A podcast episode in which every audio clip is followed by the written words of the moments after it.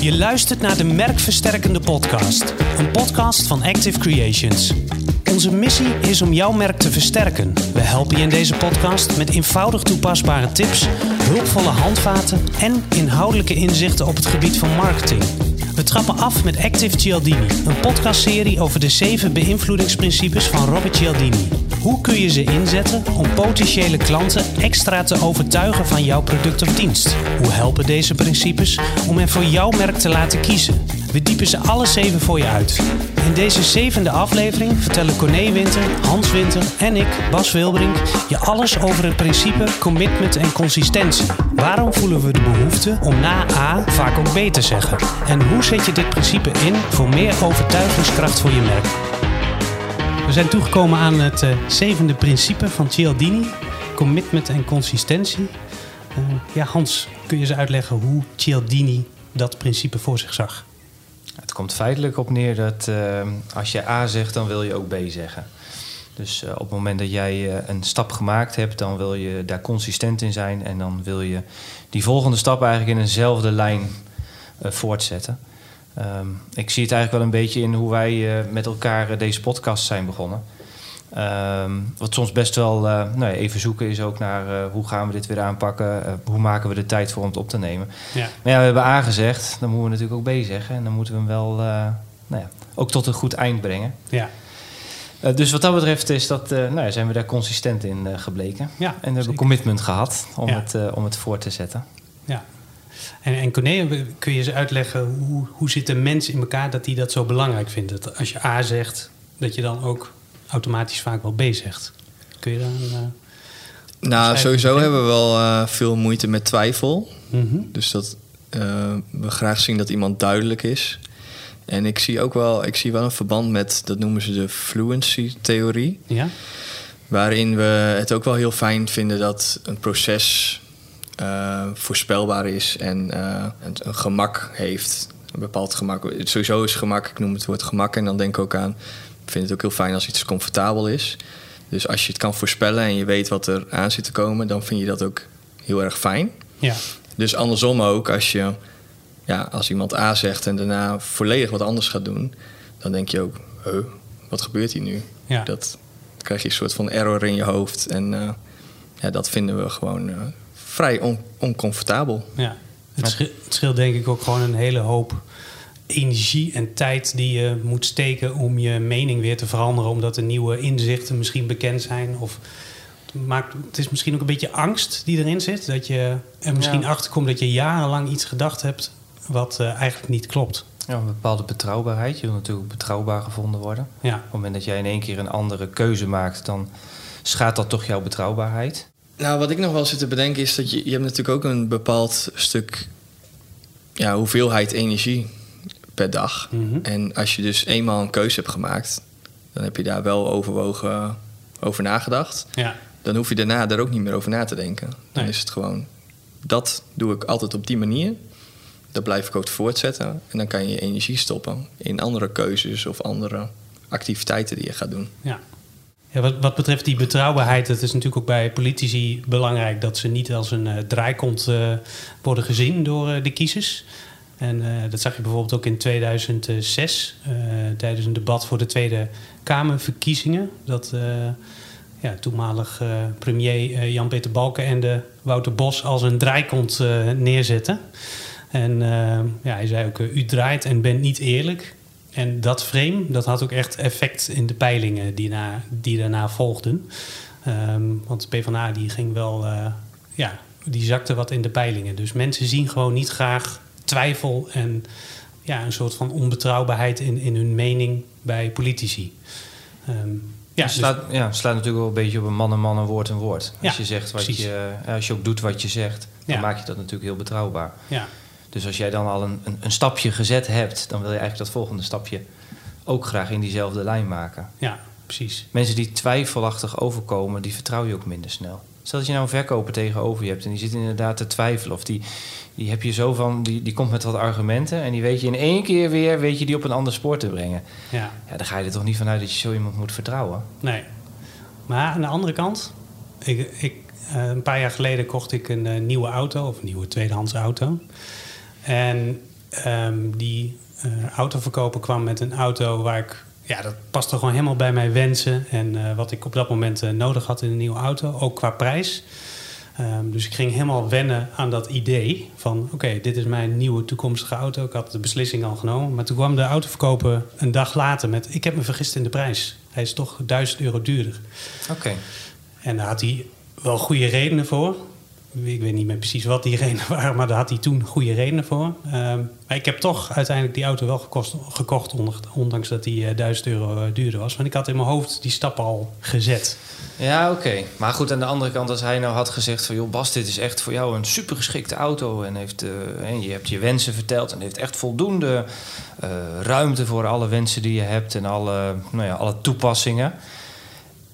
En daar gaat hij later op terug en zeggen: Ja, Bas, ik weet eigenlijk toch niet zo goed of dit wel helemaal geschikt is. Of dit wel kan voor jouw uh, mountainbike-activiteiten of wat dan ook. Nee. Dan vind ik het wel anders dan dat iemand gewoon eigenlijk heel eerlijk tegen je zegt: Joh, ik heb mij vergist in de prijs. Ja. Uh, het spijt me, maar dit is wat hij daadwerkelijk kost. Ja, nee, dan komt hij als onbetrouwbaar over. Of in ieder geval als iemand die niet uh, een eenduidig verhaal vertelt naar de klant. Ja.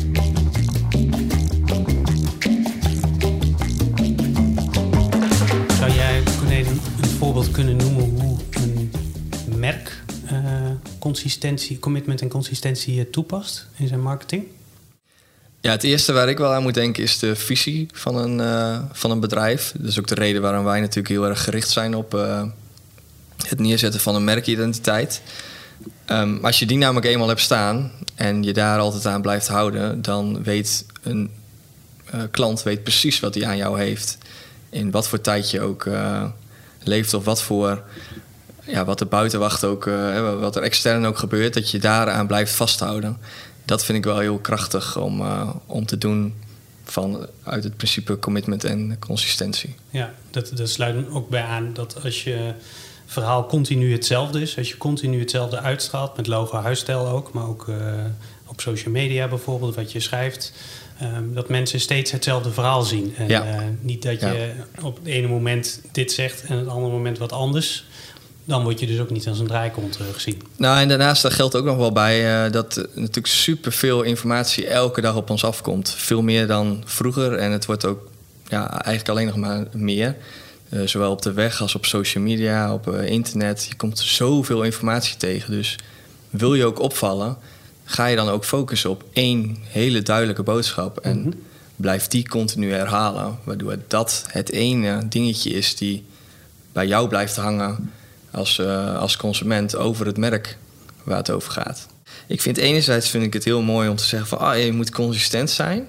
Anderzijds moet je ook niet star zijn. Nee. Dus ook wel uh, ruimdenkend, open-minded blijven. En je ook blijven aanpassen aan, uh, ja, aan, aan de omgeving. Dus neem McDonald's, die heeft dus. McDonald's is van oudsher. En ik denk dat bij iedereen ook het eerste oplopt, zijn de kleuren ja. geel en rood. Maar zij zijn al lang al niet meer geel en rood. Ze zijn nu geel en groen geworden. Nee. En dat heeft volledig te maken met dat zij hebben ingezien van joh, wij moeten een switch gaan maken. Meer richting, ja, laten we het zeggen, de duurzame kant. Ja. Uh, en dat, daardoor hebben ze gezegd, we laten dat rood los en dat groen komt ervoor terug. Oké, okay, ja. Maar die, ge die, gele bogen die zijn wel blijven bestaan. Als je zegt van wat nou consistent is. Ja. Alles wat je van McDonald's ziet, zit die gele boog in. Je hoeft maar, als jij op een bushokje een gele boog plakt, dan weet je dat het McDonald's is. Nee, eens. Maar ik denk wel dat dus voor mij ook nog wel naar boven komt dat de boodschap ook wel is. Consistent zijn is heel goed.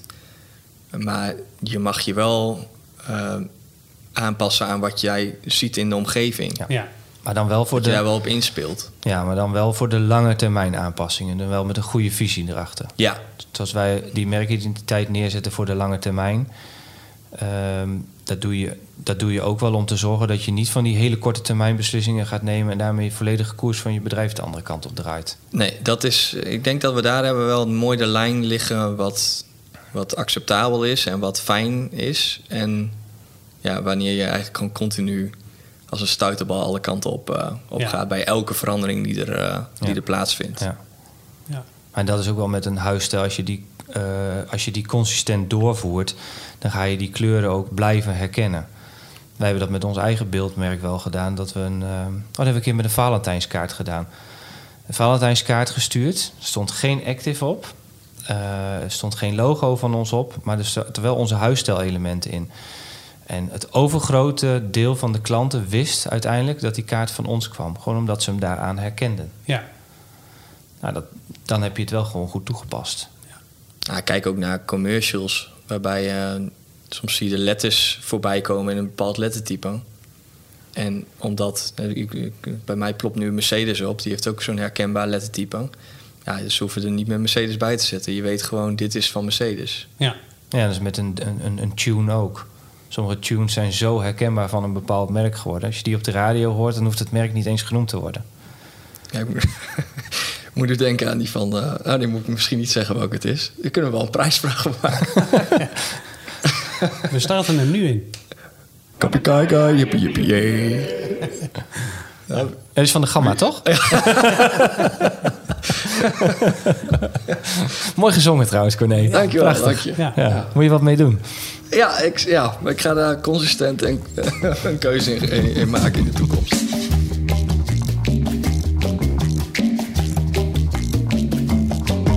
Maar als een merk zo consistent steeds uh, uitdraagt waar het voor staat en hoe het uh, qua uitstraling eruit ziet, zorgt dat er ook voor dat, dat de klanten consistent zijn in de keuzes, denken jullie? Het geeft wel een bepaalde betrouwbaarheid aan. Ja. Of een merk nou betrouwbaar is of niet, maar het, het voelt wel als betrouwbaar aan, omdat ze inderdaad, zij zetten die lijn voort wat je ook een beetje van ze verwacht. Ja. Dus ze, ze strijken als het ware niet tegen de haren in. Nee, je brengt de klant niet aan het twijfelen. Dat ze op, de, op het ene moment denken: hé, hey, uh, wat is dit nu voor uitstraling? Heb, heb ik nog wel met hetzelfde merk uh, te maken? Of is dit uh, misschien een dochteronderneming of zo? Als je de hele tijd hetzelfde uitdraagt, dan weet je ook waar een merk ja, en als je, staat. Ja, want dan, als je doet wat je zegt, dat is eigenlijk wat het, wat het is, dan kom je uiteindelijk betrouwbaar over. Ja, precies. Ja. ja, je weet wat je aan iemand hebt. Dus dan kom je ook weer. Uiteindelijk komt alles wel weer terug bij vertrouwen. Dus dat heb je natuurlijk als je weet wat je aan iemand hebt, heb je veel meer vertrouwen in diegene dan wanneer die continu weer uh, ja, op, op basis van het weer keuzes aan het maken is. En dat is ook wel als je het nou een beetje praktischer doorvertaalt, of een beetje naar de praktijk doorvertaalt. Het zijn ook allemaal kleine stapjes als het ware die je zet. Dus als jij eenmaal het stapje hebt gezet, dan ben je dus ook geneigd om dat volgende stapje weer te zetten. En dat is natuurlijk het principe wat in de marketing ook veel toegepast wordt. We hebben het, uh, een, een, product natuurlijk uitgewerkt van een, van een klantreis. Ja. Waarbij je um, gaat kijken hoe je als bedrijf in staat bent om jouw potentiële klant van, van iemand die jou eh, niet kent, nog nooit van jou gehoord heeft, tot uiteindelijk een trouwe merkambassadeur te maken. Ja. En dat zijn allemaal hele kleine stapjes. Dus iemand ziet jouw merk, iemand die gaat jouw merk bijvoorbeeld volgen op social media, die is dan ook eerder genegen om eh, jou te blijven volgen, om eens een keer wat van jou te liken. Nou ja, als diegene al is gaan volgen en is gaan liken, dan is de kans ook groter dat hij eens een keer met iemand iets gaat delen over je merk. Ja. Dat hij eens een keer de stap maakt om naar je website te gaan. Dat hij op de website zich misschien in gaat schrijven voor de nieuwsbrief. En dan gaan er eigenlijk allemaal van die stapjes ontstaan, waarbij je ja, toch wel geneigd bent om elke keer dat volgende stapje te zetten. Ja. En als je dan op een gegeven moment. Uh, nou, ik zag vanochtend nog iets voorbij komen. Ze zijn bij mij in de tuin nu bezig. En ik zag een product voor in de tuin, een, een, een mooie bloembak voorbij komen. Van een merk wat ik al een tijdje volg. Geen idee meer waarom. Maar nou ja, op de een of andere manier vind ik het, ja, vond ik het leuk. Toen dacht ik, oh ja, een bloembak. Ja, daar wil ik toch nog eens een keer uh, naar kijken. Wat, uh, het voorjaarsseizoen komt eraan. Mm -hmm. Klik toch even naar die site. Ja. En ergens heb ik al een heel goed gevoel erbij. Want ik heb al een tijdje, uh, volg je ze en druppelsgewijs zie je wat klantreferenties voorbij komen, nieuwe producten, je ziet de mensen erachter. Dus elke keer neem je al een soort van stapje uh, nou ja, om uiteindelijk naar die aankoop toe te gaan. Ja. Ik heb de daadwerkelijke aankoop nog niet verricht. Ik kwam het net tegen en dat was ook niet, niet het moment om iets te bestellen. Maar toch word je wel meegezogen Ja. erin. Ja, je ziet vaak ook als mensen voor een merk ooit hebben gekozen, dan dat ze er ook bij blijven. Dat, eh, dat zie je met automerken. Hè? Je- Auto, mensen die echt fan zijn van een bepaald automerk. Maar bijvoorbeeld eh, vind ik ook altijd mooi eh, de iPhone. Eh, Dat hebben we hier bij ons op kantoor natuurlijk ook. Veel iPhone-gebruikers die echt helemaal fan zijn. En als er een nieuwe iPhone uit is, dan nou ja, zullen ze toch veel voor over hebben om die ook te krijgen. Eh, en je hebt een paar Android-gebruikers die daar ook heel verstokt eh, bij blijven hangen. Zoals eh, ikzelf, ik geef het toe. Ja, die, die moeten we nog steeds zien te overtuigen. Gaat jullie niet lukken, want ik heb eenmaal de keuze gemaakt. Ah. Ja, sorry. Wel Ja. lekker sta, joh. Ja, dat staat, hè? Ja, maar dat is, eh, ja, als mensen fan zijn van een merk, ze hebben ooit die keuze gemaakt, dan blijven ze er ook wel lang eh, bij hangen. Ja, wat ik, wat ik ook nog aan zit te denken is... uiteindelijk, je, je vraagt dus van een ander... ehm, dat je wil weten wat je aan diegene hebt. Ehm, de grap is dat dat uiteindelijk ook heel veel over jezelf zegt... wat je zelf dus belangrijk vindt. Dus je wil zelf ook uitstralen dat iemand weet wat hij aan jou heeft. Dus vandaar, het werkt eigenlijk twee kanten op. Dus als jij, ja, je wil uitstralen dat iemand weet wat hij aan jou heeft... daardoor Ja. blijf je ook dezelfde keuzes maken. Ja, En je hecht ook veel waarde aan de keuzes die je al gemaakt. Zoals Hans aangeeft dat hij dan ehm, iets is gaan volgen.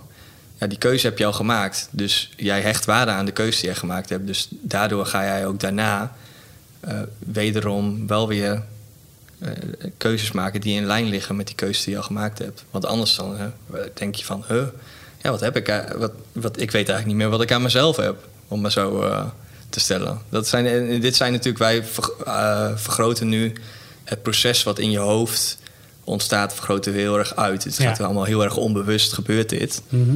Maar ja, dit, dit klinkt mij wel als logische verklaringen van wat er in je hoofd allemaal ontstaat in de keuzes die je aan het maken bent. ja.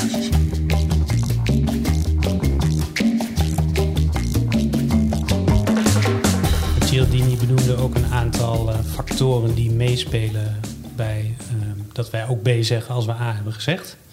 Eh, een van die factoren is dat het eh, in het openbaar is ge- gedaan, een toezegging. Dus als ik nu tegen jullie zeg, ik ga dit jaar zorgen eh, dat we tien nieuwe klanten binnenkrijgen. dat zou mooi zijn. Ja, dan ga je daar meer aan committen. Ja, ik heb het openbaar gezegd. Dus Ja. dan ben ik ook eerder geneigd om consistent te blijven en ook die, Ja. die wens te realiseren. En een andere is ook dat ik het uit eigen wil heb gedaan. Dus eh, niet dat jullie zeggen, Bas, eh, Ja. ja, we zijn gelukkig niet zo'n soort bedrijf, maar dat jullie tegen mij zeggen, we gaan eh, dit jaar tien Bas, jij klanten moet tw- tien Ja. nieuwe klanten binnenhalen. Precies, Ja. ja. Dus, ehm, het, en dan is de kans groter dat ik daar minder voor ga. Omdat het niet uit mijn eigen wil, het is niet intrinsiek gedaan. Nee, dan is het bijna een beetje dwangmatig. Ja, Onder precies. druk. Ja, en uit onderzoek is ook gebleken dat als iets onder druk gebeurt, dat je dan eh, ja, minder snel bij je mening of je keuze blijft. Eh, Dat vind ik ook altijd wel een beetje met. ehm, je hebt veel winacties op social media. En aan de ene kant is het een heel mooi middel om in één keer heel veel bereik te krijgen. Maar wat je daarbij ook wel vaak ziet, is die mensen die gaan toch onder druk gaan ze jou volgen, omdat ze graag willen winnen. Ja, En heel vaak zie je dat ze ook weer snel gaan ontvolgen. En als ze dat niet doen, zijn het heel vaak hele inactieve volgers. Dus heel leuk, dan heb je misschien wel duizend eh, nieuwe volgers ermee gewonnen. Eh, en ik zal niet zeggen dat het geen succesvolle acties zijn hoor. Alleen de Creëert wel aantallen. bereik, maar- Het, ja, het creëert Ja. bereik. Alleen de aantallen die eruit komen zijn altijd wel altijd een beetje de vraag van ja, hoe representatief is het? Ja. Nou, en het is ook wel de vraag, want je kunt wel bereik creëren, maar ehm, heeft het kwaliteit? Ja, Eh, wat Eens. voor past de doelgroep die je daarmee aantrekt, past die wel bij jouw merk? ja, ja. Dat is wel heel erg de vraag die je daar eh, kan Ja. afstellen. ja. Oké, nu begeef ik me wel op een heel gevaarlijk vlak, want wij hebben laatst met Seamly ook een winactie gedaan. En als ik nu ga zeggen dat het dus echt eh, niet handig is, dan kunnen we het nooit weer doen. Nee, Seamly, onze webshop voor uh, muren, Ja. cirkels. Dan ben ik, niet, dan ben ik natuurlijk niet helemaal consistent. Nee, Nee, maar ik- het gaat dus wel bij alles gaat het uiteindelijk ook over doordacht kijken, past dit bij jouw merk ja of nee? Ja. En er is eh, niet een zwart-witte één lijn eh, keus die je, die je hoeft te maken. Maar voor het ene merk werkt die prijsvraag beter dan voor het andere merk. Ja. En ik zou wel altijd zeggen, ga voor kwaliteit in plaats voor eh, Ja. kwantiteit. ja. Het is ook wel een beetje met tactiekjes. Hè. Je, hebt heel, je hebt heel lange tijd van die... eh, wat makkelijke techniek om te doen... is om mensen bijvoorbeeld drie keer ja ergens op te laten zeggen. Of, of, of drie keer in ieder geval een soort positief antwoord te laten geven. Mhm. Eh, en dat kan heel makkelijk zijn. Eh, goedemorgen en mooi weer, hè? Ja. Ja. En eh, nou, je ziet er geweldig uit hier, hè? Ja. Nou, en dan stel je dus de- dat volgende vraagje. ja. Ehm, daarvan wordt natuurlijk inmiddels ook wel een beetje zoiets van... oeh, dit is doortrapt, dit hebben we door. Ja. Vooral telefonisch. Hè. Telefonisch merk je die, eh, eh, die aanpak heel snel terug. Ja. Je kunt het in het dagelijks leven wel gebruiken. Want als jij wel in een, bijvoorbeeld in een verkoopgesprek... toch net eventjes op de, op de juiste nou ja, knopjes als het ware drukt. En iemand toch die ja's te laten zeggen. Ja. Ja, Cialdini benoemt ook een uh, mooi voorbeeld in zijn boek uh, Invloed. Het ging over een restauranteigenaar en die kreeg veel mensen die van tevoren reserveerden, maar uiteindelijk niet opkwamen hm. dagen. En hij veranderde iets in zijn uh, boodschap aan de mensen die telefonisch reserveerden. Ja, die restauranteigenaar die, die vroeg dan aan de telefoon: Wilt u alsjeblieft bellen als uw plannen gewijzigd zijn? Hij wachtte dan ook uh, op een bevestiging, zodat diegene echt ook uh, toe heeft gezegd: uh, Ik ga dit doen. En het bleek dat ook veel meer mensen nu inderdaad terugbelden als ze uiteindelijk niet op zouden kunnen komen dagen. Oh, hij stelde het echt als een vraag en ja. hij vroeg daar ook een bevestiging op. Ja, hij wachtte op de bevestiging. Dus dan, uh, ja, die mensen hebben A gezegd en zeggen dan uiteindelijk ook B. Oh, want ze willen consistent overkomen. Onbewust waarschijnlijk, maar uh, het werkte wel. Je ziet daarin dus ook weer terug dat ze dan uit eigen wil uh, commitment hebben gegeven aan, aan de vraag die er gesteld is. Ja, precies. Ja. Dus dan is eigenlijk draagvlak gecreëerd voor ja, voor, voor wat, hij graag, wat die restauranteigenaar uh, graag wil bereiken. Ja. ja en een volle, volle zaak. En het, ja, en het voelt natuurlijk ook wel een beetje wrang om dan... Uh, ja, sowieso ga je daar geen nee op antwoorden. Dat zou heel onsympathiek zijn. Ja. Maar het zou ook raar zijn om, als jij daar ja op hebt gezegd... om het dan niet te doen, daadwerkelijk. Ja. En dan, ja, dan kan ik nog wel een leuk voorbeeld uh, erbij houden. Kennen jullie het programma Nu we er toch zijn? Eddie Zoe, van, nou, ik denk dat het al jaren geleden is. Ja die onderzocht hoe gastvrij uh, Nederland was. En die ging dan uh, ging langs de deuren. En uh, nou, dan belde die aan en dan... ja, goedemiddag meneer, hoe, hoe gastvrij zijn de mensen in Zwartsluis? Of, of, of, of misschien dat hij ook wel zei van... Hè, zijn de mensen in Zwartsluis gastvrij? Nou ja, dan wordt dan op gezegd... Ja, nee, ze zijn heel gastvrij. hey, en, en bent u zelf dan ook gastvrij? Ja, ja, ik ben zelf ook heel gastvrij. Oké, nou maar mag ik dan een kopje thee komen doen? Ja, nee, zeker. ja, maar je kunt natuurlijk al geen nee meer zeggen. En uh, nou ja, nu ik er dan toch ben, mag ik dan ook... Uh, ja, ik heb eigenlijk ook wel honger. Heeft u ook wat te eten erbij? En hij ging uiteindelijk zelfs zo ver, want ze zocht ook altijd een slaapplek. Dat als ze dan bij degene aan tafel hadden gezeten waar ze het avondeten ook hadden gehad, dat ze dan ook wel durfden te vragen van ja, we moeten ook uh, overnachten. Mogen we hier dan ook overnachten? Ja, dat is een goeie. En wat er natuurlijk dan gebeurd is, ja, je hebt gezegd, ja, wij zijn hier in Zwartsluis heel gastvrij. Ja, ik ben gastvrij. Ja, om dan te zeggen, nee, je mag niet binnenkomen. Dat strookt natuurlijk een beetje er tegenin. En eigenlijk maakt hij er elke keer een stapje verder van. Hè? Want hij, hij vraagt, ben je gastvrij? Hij, hij komt uiteindelijk binnen de deur. Hij krijgt wat te drinken. Hij krijgt wat te eten. Ja, en dan durft hij het ook nog gewoon aan om de stap te zetten. Nou, mag ik dan ook blijven slapen? Maar je hebt al zo vaak die ja's gezegd. En alles zegt je systeem gewoon van... Uh, nou ja, doe maar, blijf ja, maar. Ja. Je wil jezelf niet tegenspreken. Nee. nee. ben, ben, bijna benieuwd hoe ver hij nog uh, had kunnen gaan. mag ik hier een jaar wonen? ja, en je auto, mag ik die ook lenen? Ja.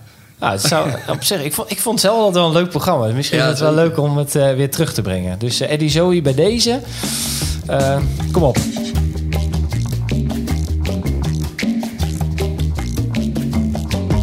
Ik denk dat het ook goed is dat we even stilstaan bij een uh, techniek die Cialdini ook uh, benoemt in zijn boek. Dat is de voet tussen de deur techniek. Um, ik denk dat dat ook een belangrijke is waarom commitment en consistentie zo krachtig zijn. Um, zou je dat eens uit kunnen leggen, wat dat inhoudt? Corné? Nou, eigenlijk hoor je hem al in de voorbeelden die gegeven zijn, zit, zit hij ook al wel verstopt. Dat ja. als je dus um, ja hebt gezegd op eigenlijk een, een kleine commitment, dan ben je dus ook geneigd om ja te zeggen op een wat groter commitment. Dat is de kern van, dit, van deze techniek. Ja. Um, waar zie je hem in terug, concreet? Zou je naar een website kunnen kijken, waarbij eh, de techniek wel wordt toegepast door, als je bijvoorbeeld een formulier in moet vullen, dan kun je meteen alle gegevens gaan vragen die je nodig hebt. Dus ja. laten we even uitgaan dat dat 12 gegevens zijn. Nou, dat zijn er over het algemeen best veel. Dus daar moet je wel een behoorlijk commitment voor hebben om dat in te gaan vullen. Dus zie je echt al een berg kun je daar tegenop zien om het allemaal in te vullen? Precies, ja. En wat, ze dan, uh, wat er dan wel toegepast wordt, is door eerst twee gegevens te vragen. En ook echt nou, vrij eenvoudige gegevens die zo hop, die ploppen wel op. Je ja, naam, en mailadres bijvoorbeeld. Precies, je naam en mailadres, die weet je wel. Ja. dus die vul je in. Nou, En vervolgens druk je op de knop uh, om verder te gaan. En dan zie je opeens ook de rest van het lijstje staan. En omdat je dus al begonnen bent aan, uh, aan het commitment om dat formulier in te vullen, ben je dus ook meer bereid om daar een vervolg aan te gaan geven. Ja, ja dat heb je natuurlijk ook wel als je een, uh, als je een enquête invult. Als je van te, dan wordt van tevoren vaak duidelijk gemaakt, zo lang duurt die. Bijvoorbeeld deze vragenlijst invullen kost twee minuten. En dan zie je ook vaak de stapjes of je ziet een voortgangsbalkje. Ja. En als je dan ook nog eens tussendoor een, een stimulans hebt, bijvoorbeeld je bent op de helft van hé, hey, je bent echt supergoed bezig, bedankt, nog maar één minuutje te gaan en uh, maak hem af. Uh, dan werkt dat ook weer op die, nou ja, die consistentie om het uiteindelijk gewoon af te gaan maken. Ja, en we, zien, uh, we vinden het ook zonde om te verspillen. Dus je hebt je energie er al ingestopt. Ja. Dus dan wil je het ook afmaken. Ja. Ja, dat is natuurlijk het verlies wat we niet willen leiden. Ja. Waar heel veel op, op gebouwd is. Ja. Kunnen jullie nog een voorbeeld noemen van een bekend merk dat het principe van commitment en consistentie uh, uh, gebruikt? Ja, Nespresso is daar een, eh, een, zeer goed voorbeeld van. Die bieden een, een, een koffiemachine aan, eigenlijk voor heel weinig geld. Ehm, en vervolgens ja, neem je of een abonnement uh, is mogelijk. Of je committeert je in ieder geval aan die cups. Ja. Um, moet ik wel zeggen, er is wel wat veranderd. Want inmiddels, uh, het patent op de cups is vrijgegeven. Dus er zijn meer merken. Maar in het begin, toen Nespresso begon met deze formule, met die cupjes... waren zij ook de enige die die mochten maken. Ja. Dus je committeerde je gewoon aan het merk Nespresso. Je had die machine, je had geen andere optie dan uh, bij Nespresso zelf via hun website of via hun winkel cups te bestellen. Ja, ik weet het nog. Ja. Ja, en dat was zelf echt, ook. Ja, betaalde hem helemaal schil. Precies. Die, dingen kosten ja, toen in ieder geval 35 cent of zoiets. Ja, nog, ste nog, steeds wel. De, de originele kostte 35 of 40 cent. Sommige zelfs 50 cent per cupje. Ja, dat was wel een moment waarop... Uh, uh, ja, je hebt, je hebt aangezegd, je hebt dat, die machine gekocht... en die was dan misschien niet heel duur. Maar ja, dan moet ik ook de cupjes blijven kopen. Ja. En ik denk dat nog steeds heel veel mensen op die manier... nu wel Nespresso blijven gebruiken. Senseo heeft feitelijk daarvoor hetzelfde trucje gedaan. Ja, zeker. Senseo-pads waren in eerste instantie ook alleen van Douwe Egberts verkrijgbaar. Ja. Moest je ook, je moest je aan dat merk committeren.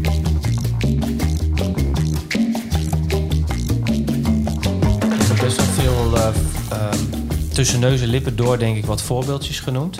Het zijn ook allemaal geen mega grote voorbeelden. Maar nou, we proberen in deze podcast natuurlijk altijd wel wat praktische tips te geven van hoe kun jij het nu toepassen. Nou, een van de makkelijkste manieren om toe te passen is om te zorgen dat iemand je gaat volgen op social media. Ja. Uh, om daarmee het eerste stapje als het ware te maken. Dus zorg ervoor dat je dat duidelijk communiceert op uitingen die je hebt. Uh, onder andere op je website. Want dat is natuurlijk super makkelijk. Dan klik je op het knopje Facebook of Instagram, LinkedIn. En dan ben je er al. En dan hoef je alleen nog maar het, eh, het volgknopje in te drukken. Ja, het is een heel klein stapje. Ja. ja. En dat geldt eigenlijk hetzelfde wel voor een nieuwsbrief. Ook, uh, ook de inschrijving op de nieuwsbrief op een goede manier op je website. Mm Nou, daar zijn natuurlijk uh, allerlei andere overtuigingstechnieken van Cialdini toepasbaar. Hoe ga je dan die mensen overtuigen? Ja. Want alleen maar blijven ons volgen is niet meer voldoende. Je moet er wel iets aan vasthangen. Nou, bij webshops kan dat heel mooi. Dan gaat het uh, wederkerigheidprincipe gaat intreden. Door te zeggen 5% korting op je eerste bestelling. Door jou in te schrijven op de nieuwsbrief. Ja. Nou, op die manier uh, gebruik je dus dat principe van Cialdini. En ga je uiteindelijk werken aan die, uh, aan die commitment. Ja, maar je kunt natuurlijk andersom uh, redeneren. Stel, iemand heeft al een aankoop bij je gedaan op de webshop... en je komt dan op de bedankpagina... en dan zet je nog in van... Uh, schrijf je in op onze nieuwsbrief... en blijf op de hoogte van mooie aanbiedingen. Ja, en dat geldt hetzelfde voor het vragen van een review. Als iemand eenmaal jouw klant geworden is... dan heeft hij die stap heel bewust gezet dan is de kans dat diegene een review wil schrijven een stuk aannemelijker. Ja. Helemaal als uiteindelijk natuurlijk de ervaring positief is dan, uh, dan is de, de bereidwilligheid daar toen toch groter. Het is wel grappig, hè? want eigenlijk zie je hier dus ook in. Dus hoe verder die klant in dat proces komt, hoe meer bereid hij is tot ook een hogere inzet. Dus aan het begin zijn het hele kleine stapjes. En ja, even iemand volgen is natuurlijk op Instagram uh, een, een, klik op de knop en je bent klaar. Maar vervolgens, als je, op een gegeven moment gaat hij ook echt iets van je afnemen. En dat kan dan nog een klein product zijn ja, dan is hij daarna ook bereid om een groter product van je af te nemen. En als je dan weer in die klantreis blijft denken, uiteindelijk wil je fans creëren. Ja. Uh, is hij dus ook zelfs bereid om naast dingen van jou af te gaan nemen, ook nog een keer zich in te gaan zetten voor jou ja. als merk. Dat hij gaat zeggen van hé, hey, dit is een fantastisch merk, daar moet, je, daar moet iemand anders ook gaan kopen. Ja. Dus eh, dat, dat, uiteindelijk triggerde me dat omdat je reviews uh, noemt. Dus de bereidheid wordt steeds groter. Dus je kunt, als je die klant ook maar blijft voeden in dat hele proces, ja. is hij steeds meer bereid om meer voor jou te doen. Ja. En dit is natuurlijk wel waar trouwe klanten uiteindelijk vandaan komen. Dit is ook waarom over het algemeen mensen het heel moeilijk vinden als ze trouwe klant zijn om af te haken. Als jij dus goed blijft zorgen voor die klant, dan zit er in ons hele systeem gewoon iets. We willen ook klant blijven. Ook daarbij, ja, we hebben gezegd, we, worden klant, dus we blijven klant. Ja. Weggaan is tegen natuurlijk. Ja. Dus je moet het eigenlijk, ja, je zou bijna zeggen, je moet het wel heel slecht doen. Of diegene moet echt een totaal andere uh, behoefte ineens hebben om een klant kwijt te raken.